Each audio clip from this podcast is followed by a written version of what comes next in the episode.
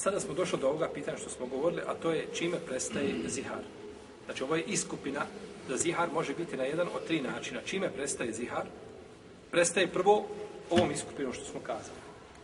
Iskupino, znači, prestaje zihari, čovjek koji se iskupi, on je nakon toga, znači, ovaj,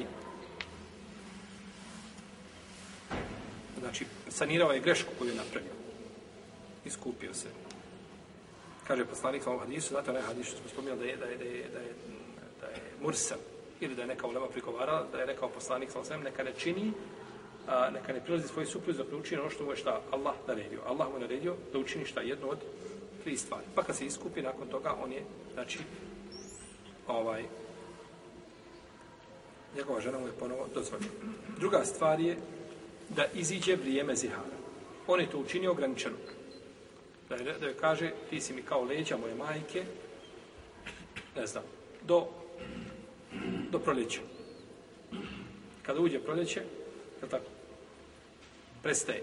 Ili do ljeta, ili ne znam, do, šta ja znam, do Ramazana i posle Ramazana, sve o tome. Pa kada prođe to vrijeme, on se suzdrži, nema ništa sa svojom suprugom, poništava se. A ako to prekrši u tom vremenu, mora šta? Mora se vratiti, znači, na prvu, na prvi ovaj stepen, to je iskupiti. Mora se, znači, iskupiti. I treća stvar je smrt jednog supružnika. Tako. On, ziha, on, on je on, kazao svojoj ženi da je u ziharu i nakon toga umre. Ili ona umre. Time prestaje šta biti? Prestaje zihar, vada stavlja se van snage, jel tako, jer nema intimnog odnosa, znači nakon čega smrti. Osim ako to a, savremena i civilizovana Evropa dozvoli. Jer on dozvoljavaju sada ima nešto zove oprosni, jel tako, kontakt, kada žena preseli, onda dozvoljavaju suprugu da uđe i da ima sa njom odnos, ona mrtva. I mi ne smijemo, znači, ne, protiv toga se ne treba buniti niko, jer to je civilizacija i napredak i ako želimo biti napredni, onda moramo ići u korak sa civilizacijom. Tako. Protivno nećemo biti civilizovani i ostaćemo zatucani i zalupani cijelog života. Tako. Pa treba ići znači, u korak sa Evropom koja vodi ljude direktno u džehennem. To je znači, to je, to je civilizacija. Hajvanu, Allah mi, kada bi hajvana dovelo, do hajvana koji je mrtav, on se okrenuo i otišao hajvana. Ali Benu Adem zna biti, kako kaže, zato uzvišen je Allah želo pisao, čovjek kaže, ulajke kelen'am, kaže, oni su kao stoka.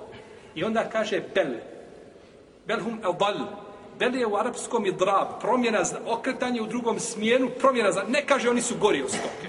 Stoka je dobra. E tako imate, znači, ljudi koji zaista gori od stoke. U svojim postupcima, znači, stoka ima znači nekakva pravila imaju nekakve principe koje nema znači čovjek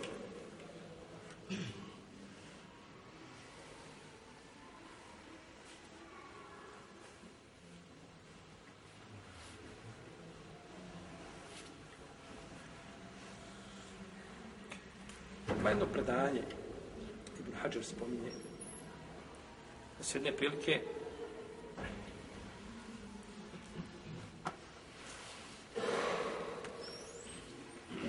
doveli konja do majke njegove. Pa nije htio prići. Pa su uzeli i pokrili majki glavu i tijelo. Da ne vidi. Pa je prišao. Pa kad je završio, oni su otkrili majku.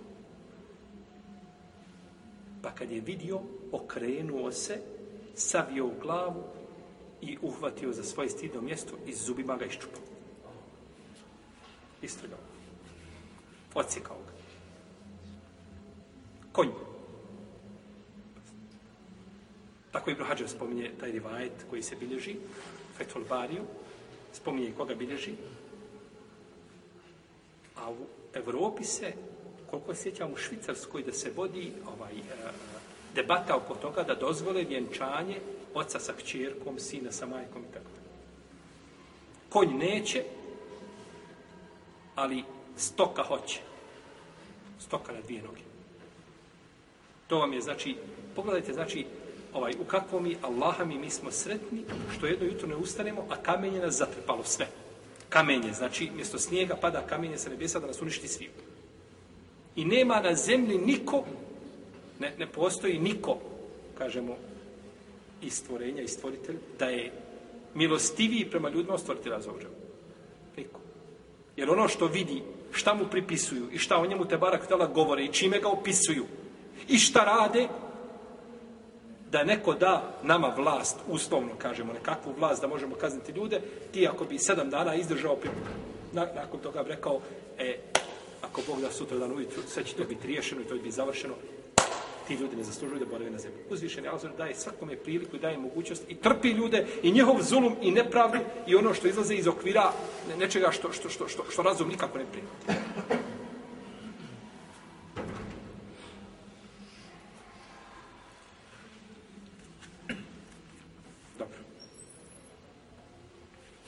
Šta smo kazali? Ako preseli, znači, time je završeno samo što se vodi razilaže među lemom, da li se mora iskupiti? Da li treba iskupina?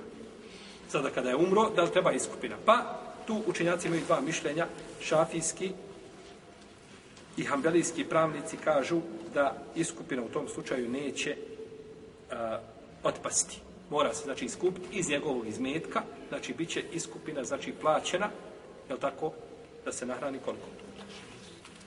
60 siromaha, dok kažu hanefijski i malikijski učenjaci da u tom slučaju kefaret otpada, osim ako je on oporučio da se iz njegovog imetka plati taj iskup. U protivnom, iskupina ostaje, znači, a, a, znači neće se iskupljivati bez njegove oporuke ili dozvole, znači da se iskupi. Ovdje je znači razilaženje među islamskim učenjacima. Allah valem da je preče uraditi po mišljenju ovdje po stavu hanefijskih a, i šafijskih pravnika, e, oproste, hambelijskih i šafijskih pravnika, da se iskupe, znači, da se iskupi ta osoba, jer poslanik sam kaže, dejnu Allahi e haku en yukuda. Allahov dug je najpreći da, znači da se riješi, da se namiri.